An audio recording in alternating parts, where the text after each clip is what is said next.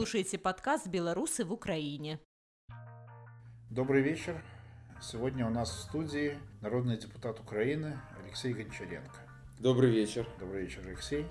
Я хочу сразу представить нашего гостя не только как депутата от партии Европейская, Европейская солидарность. солидарность, но и как человека, хорошо известного многим белорусам, перебравшимся в Украину. Известного, потому что Алексей еще в июне прошлого года, еще до событий Белорусской революции, создал в украинском парламенте межфракционную группу за демократическую Беларусь. Абсолютно верно. Алексей, скажите, а вот э, почему пришло в голову создать именно вот такую группу и как вы предвидели, предчувствовали события, которые будут? Ну, было видно, что кампания президентская в Беларуси проходит не так, как проходила раньше. Было очевидно, что белорусское общество устало от Александра Лукашенко. Ну, масштабов, конечно, мы тогда не понимали, насколько устало, но было понятно, что это будут э, такие уже выборы настоящие, а не выборы без выбора. Тогда же в июне был фактически не допущен к выборам э, Тихановский, муж Светланы Тихановской. И тогда же был задержан Бабарика. Ну, в общем, э, стало понятно, что развивается такой сценарий конфликтный, и Беларусь может, ну, могут произойти какие-то серьезные события. Поэтому я решил, что нужно поднять эту тему. Никакой такой группы в украинском парламенте, к сожалению, на тот момент не было. Поэтому я выступил с такой инициативой. В нашу группу мы собрали представителей всех фракций, кроме фракции ОПЗЖ. Ну, понятно, ОПЗЖ это такая пятая колонна в Украине, путинцы. Вот, все остальные фракции у нас есть представители, и мы вот создались. Мы там сделали какие-то заявления, что там вот выборы следим и так далее. Ну, понятно, что до, собственно говоря, президентских выборов – до этого момента ну, мы особо ну, как бы больше наблюдали за ситуацией. Вот. Ну и когда прошли выборы и начались события действительно белорусской революции, правда, к сожалению, до сих пор так и ничем не завершившейся, мы заняли активную позицию. Наше объединение сразу предложило проект постановления Верховной Рады о событиях в Беларуси. Я был его первым автором, но коллеги тоже подписали его. Мы его подали в парламент. Оно было, как мне кажется, намного более правильное, чем то, что в итоге было принято. Кстати, еще такие группы за демократическую Беларусь работают в, Польш, в польском сейме и в литовском сейме.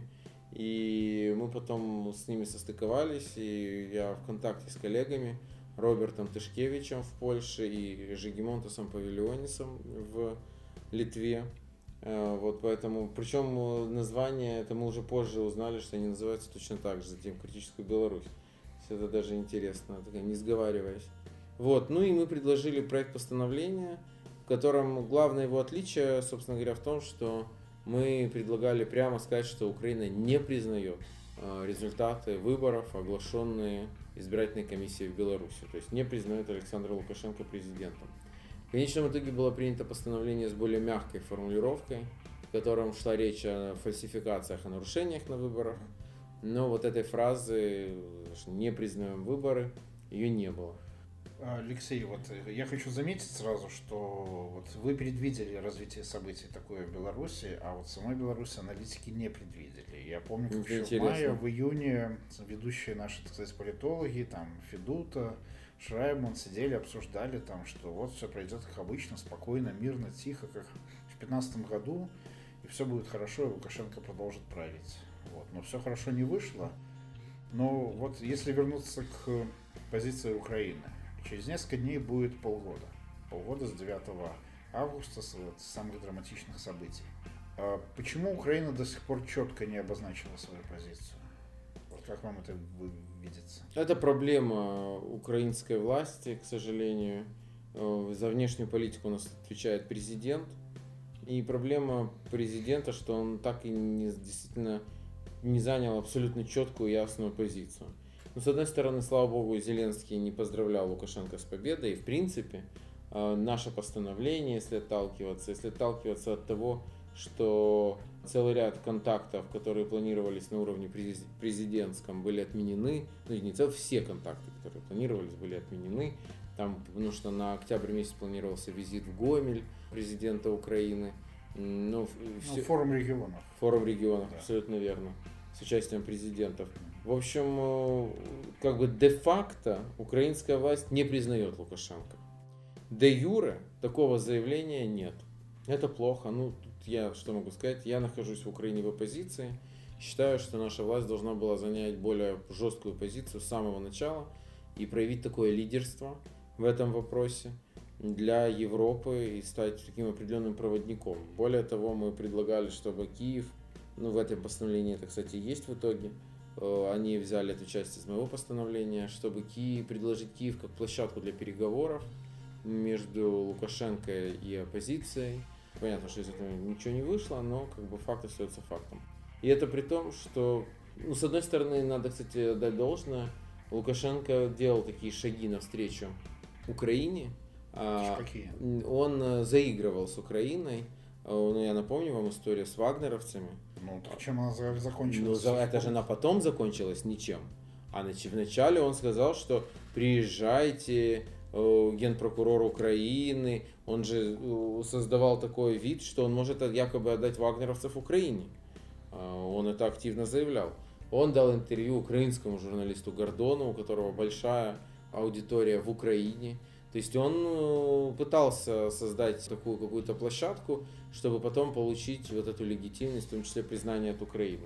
Понятно, что потом, когда уже развернулись события, все это быстро превратилось в ничто. Вагнеровцы уехали в Россию, и Лукашенко в своем стиле начал говорить о президенте Украины, вообще об Украине, что здесь готовятся боевики, что Володя ничего не понимает, не, не, не, неопытный и вообще, и вообще игры. Ну, в общем, там множество глупостей, которые, что здесь какие-то есть лагеря, наемников. Он это годами говорит. Да. С... Но у него это все, да, но это у него все такими волнами. Мы, кстати, одна из вещей, которую до еще событий августа месяца, что мы, наша группа успела сделать, мы выпустили книгу э, «Белорусский Донбасс». А это очень хорошая книга. Ее авторами являются Катерина Андреева и Игорь Ильяш. Это белорусские Я журналисты, знаю, да. Да, которые работали на Радио Свобода когда-то э, в Минске. Они написали такую книгу, и она была выпущена издательством «Фолио» при нашей поддержке э, нашего объединения. И вот там есть, кстати, и эволюция взглядов Лукашенко и его заявлений на Украину там тоже есть, и они там очень разные. От того, что здесь там, да, фашисты и бандеровцы, до того, что Украина это наши братья, и это вечно... А Турчинов мой друг. Да, да, Турчинов друг и так далее. То есть это вечная вот какая-то такая синусоида. В общем, э, вот, поэтому э, даже несмотря на то, что после начала революции в Беларуси Лукашенко перешел в обычный свой формат хамский по отношению к Украине, Зеленский так, собственно говоря, и не сказал ключевую фразу, что мы его не признаем. Хотя есть заявление и министра иностранных дел о том, что мы солидаризуемся с позицией Европы, а Европа его не признает. Есть слова самого Зеленского, что он бы пошел на месте Лукашенко на перевыборы, потому что то, что произошло, не выборы и так далее. А, ну и еще раз повторюсь, есть отмененные, я обращался к президенту с просьбой отменять все эти контакты ну уж не знаю, моя просьба или просто события, ну, значит, они такие все были отменены. Поэтому, как бы де-факто на высшем уровне связи и контактов нет. Но все-таки де юре, вот напрямую назвать узурпатора узурпатором, диктатора диктатором, Зеленский так и не смог. Может, это связано с экономикой? Вот смотрите, сейчас вот недавно был большой шум вокруг там якобы, ну не якобы, закупка электроэнергии, хотя они были на самом деле очень незначительные действительно там для энергобаланса Украина закупала в Беларуси какую-то небольшую часть. Но, но они стали уже довольно значительными. Они уже составляют целых... около 5, уже около нескольких процентов. Уже до, процентов? до 5 процентов а, энергобаланса Украины. Хорошо, это вот одно. Потом Садовой там рассказывал, что то ли он откажется от МАЗов белорусских, то ли не откажется, неизвестно. Но если взять, вот я как экономический обозреватель знаю, как выглядит вообще торговля Беларуси и Украины. Там совершенно другие направления, другие цифры. 40% бензина и дистоплива, 50-70% битума. А в Беларуси идет огромное количество сельхозпродукции украинской. все, все 100% птицефабрики Беларуси, там куры кормятся шротом и жмыхом из Украины, понимаете? То есть это полностью снабжение птицеводческой отрасли Беларуси. И масса других, в конце концов, Основные колеса, основной грузовик э, вооруженных сил Украины и Нацгвардии это МАЗ, который ну, собирается из машинокомплектов, там как Богдан 5705, по-моему, точно не помню индекс. То есть э, на самом деле сотрудничество более серьезное намного, чем даже та же электричество и те же автобусы. Понятно, Беларусь ну, второй по протяженности государственной границы сосед да, Украины. Да, да, это тоже. Огромный. Э, и есть давние экономические связи Может, еще дело со времен Советского Союза, поэтому Беларусь важный партнер экономический для Украины. Но может быть дело и в этом. Конечно, Украина сама страна бедная, к сожалению. Экономика Украины, особенно учитывая коронакризис, находится далеко не в лучшем состоянии. А, и я думаю, что и это имело значение тоже но, но это не единственное. И все-таки здесь на это накладывается какая-то внешнеполитическая нерешительность Зеленского. И даже какая-то, у меня было такое ощущение, что у Зеленского есть определенный как комплекс и вообще такое как-то, ну не то чтобы преклонение перед Лукашенко. Не забывайте, что я вот сегодня только увидел эти цифры и в очередной раз поразился – что Лукашенко самый популярный иностранный лидер в Украине. Я думал, это уже прошло. Нет, вот сегодняшние цифры Киевского международного института социологии самый популярный, 36% полного доверия, выше, чем у Байдена, например, у Байдена 25%. Было время, когда это было там за 60 далеко да, процентов. Да, да. Это время прошло после белорусской революции, когда люди увидели, что там происходит, как он убивает собственных граждан. Но далеко не все, судя по всему, это увидели. 36% граждан Украины по-прежнему полностью доверяют Лукашенко и симпатизируют ему. И я как раз думаю, что эти 36% очень близки с электоратом самого Владимира Зеленского. Более того, он на выборах 2019 года парламентских, мне кажется, вообще играл такого Лукашенко, вот это «выйди да. Разбийник, да, да, да, да, вот этот публичный нагоняя чиновникам, он как артист, у меня такое ощущение, что его политтехнологи ему, собственно говоря, сказали, теперь ты вот поиграй месяц украинского Лукашенко. И он... Это эти... было очень заметно. Да, это было очень похоже в этом стиле. Поэтому я думаю, что все вместе. Экономика, внешнеполитическая нерешительность, огромная государственная граница, история с вагнеровцами. Все один к одному и приневело. Напомню, что, для, судя по всему, таким вот срывом, когда, который произошел у Зеленского по отношению к Лукашенко, стала именно ситуация с вагнеровцами. Когда оказалось, что вагнеровцев отдали России, Зеленский вышел с таким постом, очень эмоциональным, э, с, там, с многими восклицательными знаками. Ну, Он понял, общем, что его макнули. Да, то есть, в общем, в таком стиле не президентском, совсем не дипломатичном, а в стиле именно оскорбленного, обиженного человека.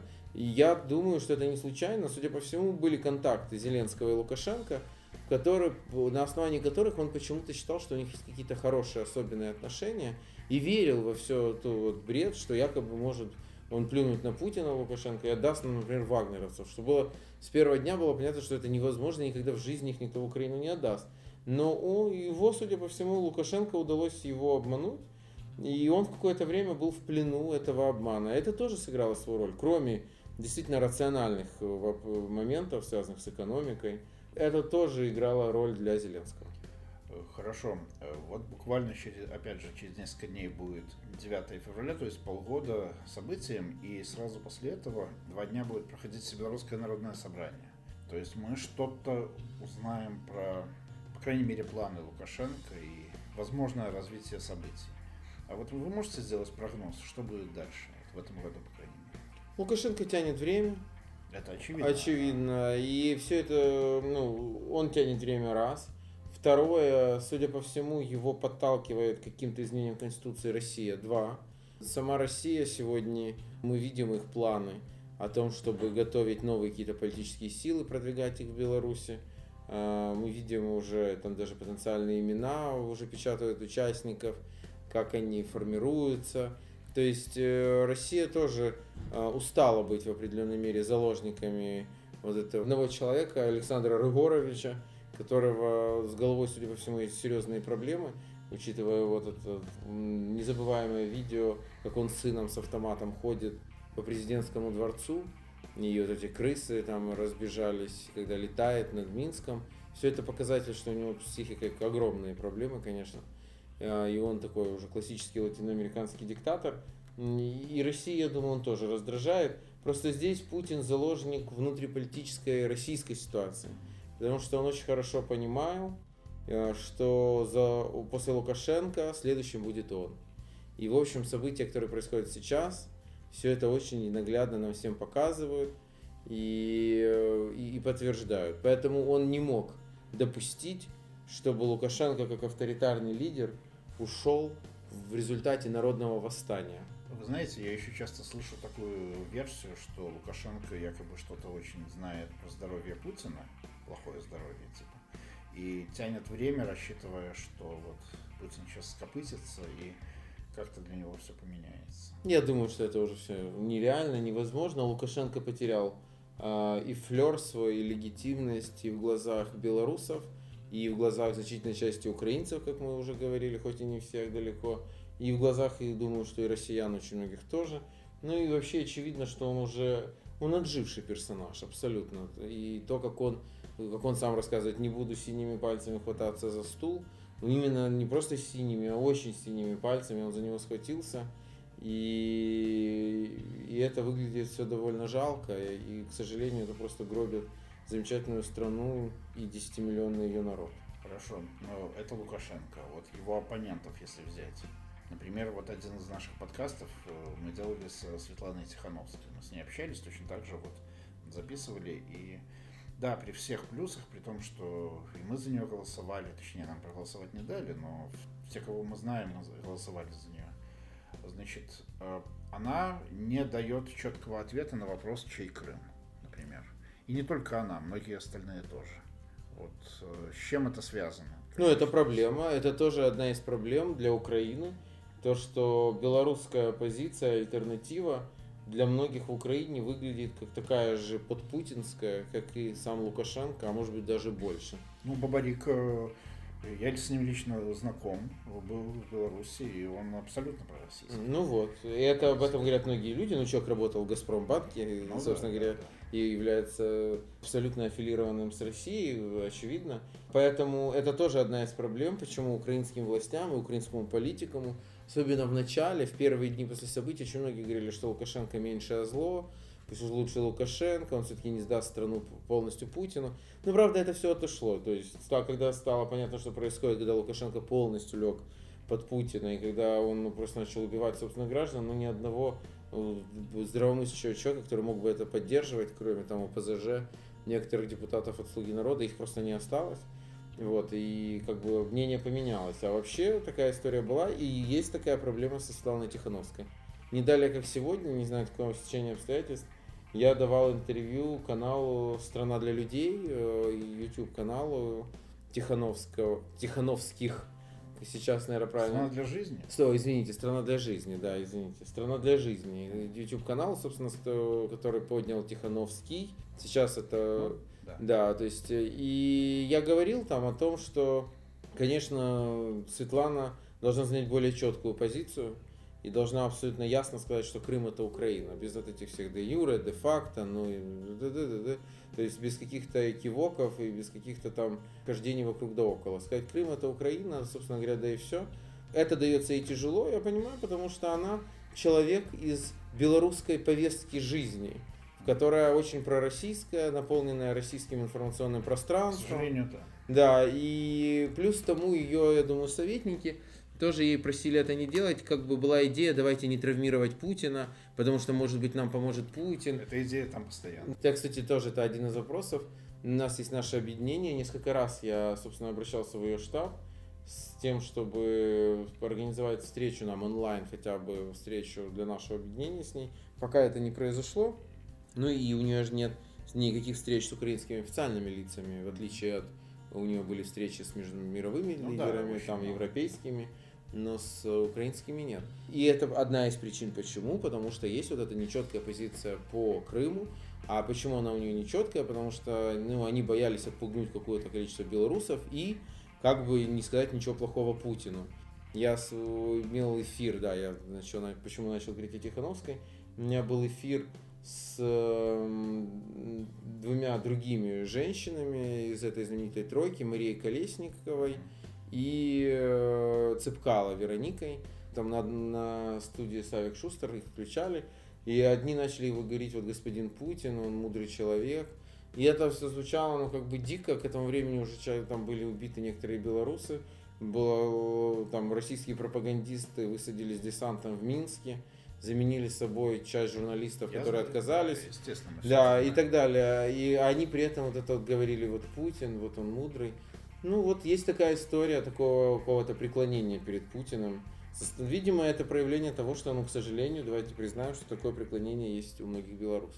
Да, есть, но скорее не только перед Путиным, просто надо понимать, что белорусы существуют в российском информационном пространстве. Да, я же это Телеканалы сказал, да. все, Конечно. пресса, комсомольская правда, там самые большие тиражи, аргументы и факты. Вот очевидно, это, да, что это... Беларусь полностью в российском информационном пространстве. Это факт, это очевидно. Э, хорошо, у меня один такой капитальный вопрос остался. Э, вот за эти полгода, особенно за первые несколько месяцев, э, Украину переехало очень много белорусов. Очень много, поток был большой.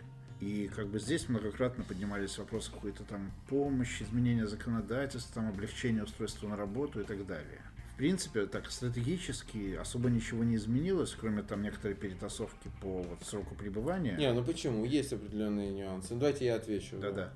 Ну, давайте тогда сразу отвечу. Да, давайте с этого. Давайте. Ну, во-первых, хочу вам напомнить, это мы поднимали этот вопрос перед нашим правительством, когда Украина в конце августа закрывала, или это было начало сентября, ну, в общем, закрывала полностью, начало свои, сентября.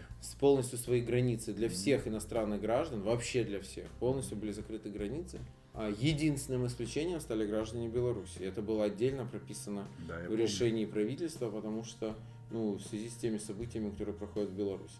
Кроме того, большую работу я здесь хочу поблагодарить Министерство цифровизации Украины, которое провело большую работу, и условия для переезда белорусских айтишников, они очень удобные и удачные. Но это айтишники. Да, ну, я говорю примеры, то есть я не говорю, что все идеально, боже упаси, но, но в целом есть позитивные примеры, где вопросы и регистрации, и сроков, э, и проживания очень решены, решаются легко и просто. Поэтому какие-то подвижки есть, но да, я с вами согласен, что можно было бы сделать больше.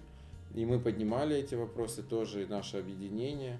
Э, Все оно происходит достаточно туго. Но ведь почему я задал этот вопрос? На самом деле все оказалось вообще совсем не так. Для меня, как э, одного из руководителей диаспоры белорусской в некотором смысле, Э, ну, по крайней мере, человека, активно занимающегося делами диаспоры. Для меня был настоящим шоком недавно, пару недель назад, увидеть документ, это ответ на запрос омбудсмена, по-моему, э, э, пришедший от погранкомитета, ну, пограничного ведомства Украины. И там просто статистика белорусов с 1, августа, с 1 августа по 31 декабря, то есть вот за э, последние, за все эти месяцы года э, прошлого, въехавших и выехавших из Украины. 155 тысяч въехало и почти столько же выехало. В общем, разница, то есть люди, оставшиеся в Украине, белорусы, э, тысячи. Вот э, я, честно говоря, бы я оказался в очень большой растерянности. У меня в моих чатах э, и каналах подписчиков больше намного, чем. Есть ощущение, что это какие-то или заниженные цифры, или не все учитывающие Нет, цифры. Очень многие поехали в Польшу, это понятно. Приезжали сюда, потому что да, проще да. всего выскочить было Да. в Украину. Здесь уже за гуманитарной визой в польское посольство и в Польшу. Но есть все-таки ощущение, мое такое внутреннее личное ощущение, что все-таки больше белорусов здесь У задержалось. меня тоже. Да, но может быть я ошибаюсь. Я не, не владею этой цифрой.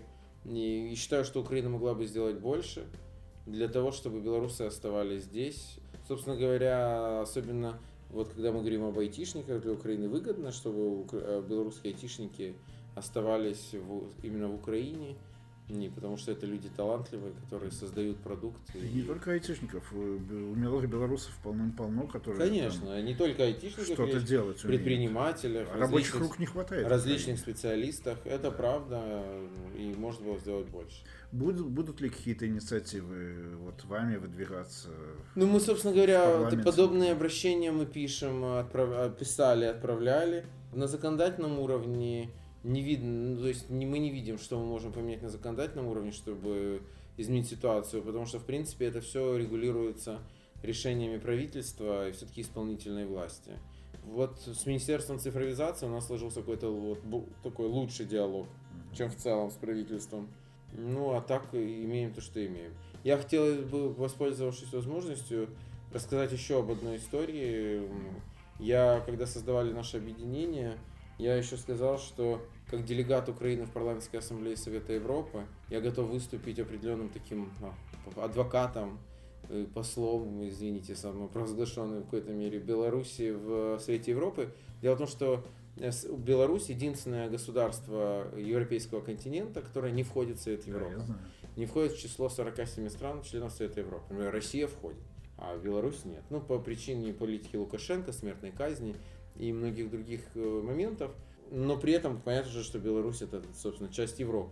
Поэтому вот эта площадка ПАСЕ, она важна. К сожалению, в прошлом году ПАСЕ не работала практически. То есть с января, в январе была сессия, после этого из-за ковида следующие три сессии апрельская, июльская и октябрьская были отменены. Но вот, наконец-то, январская сессия 2021 года прошла. Было это буквально на прошлой неделе. Да, я помню. И я ну, сдержал свое слово, я поднимал тему Беларуси и на уровне кулуаров и общения, и на уровне публичных выступлений, и на уровне инициатив. И вот э, такая инициатива, которую я дальше буду толкать, надеюсь, что она будет реализована.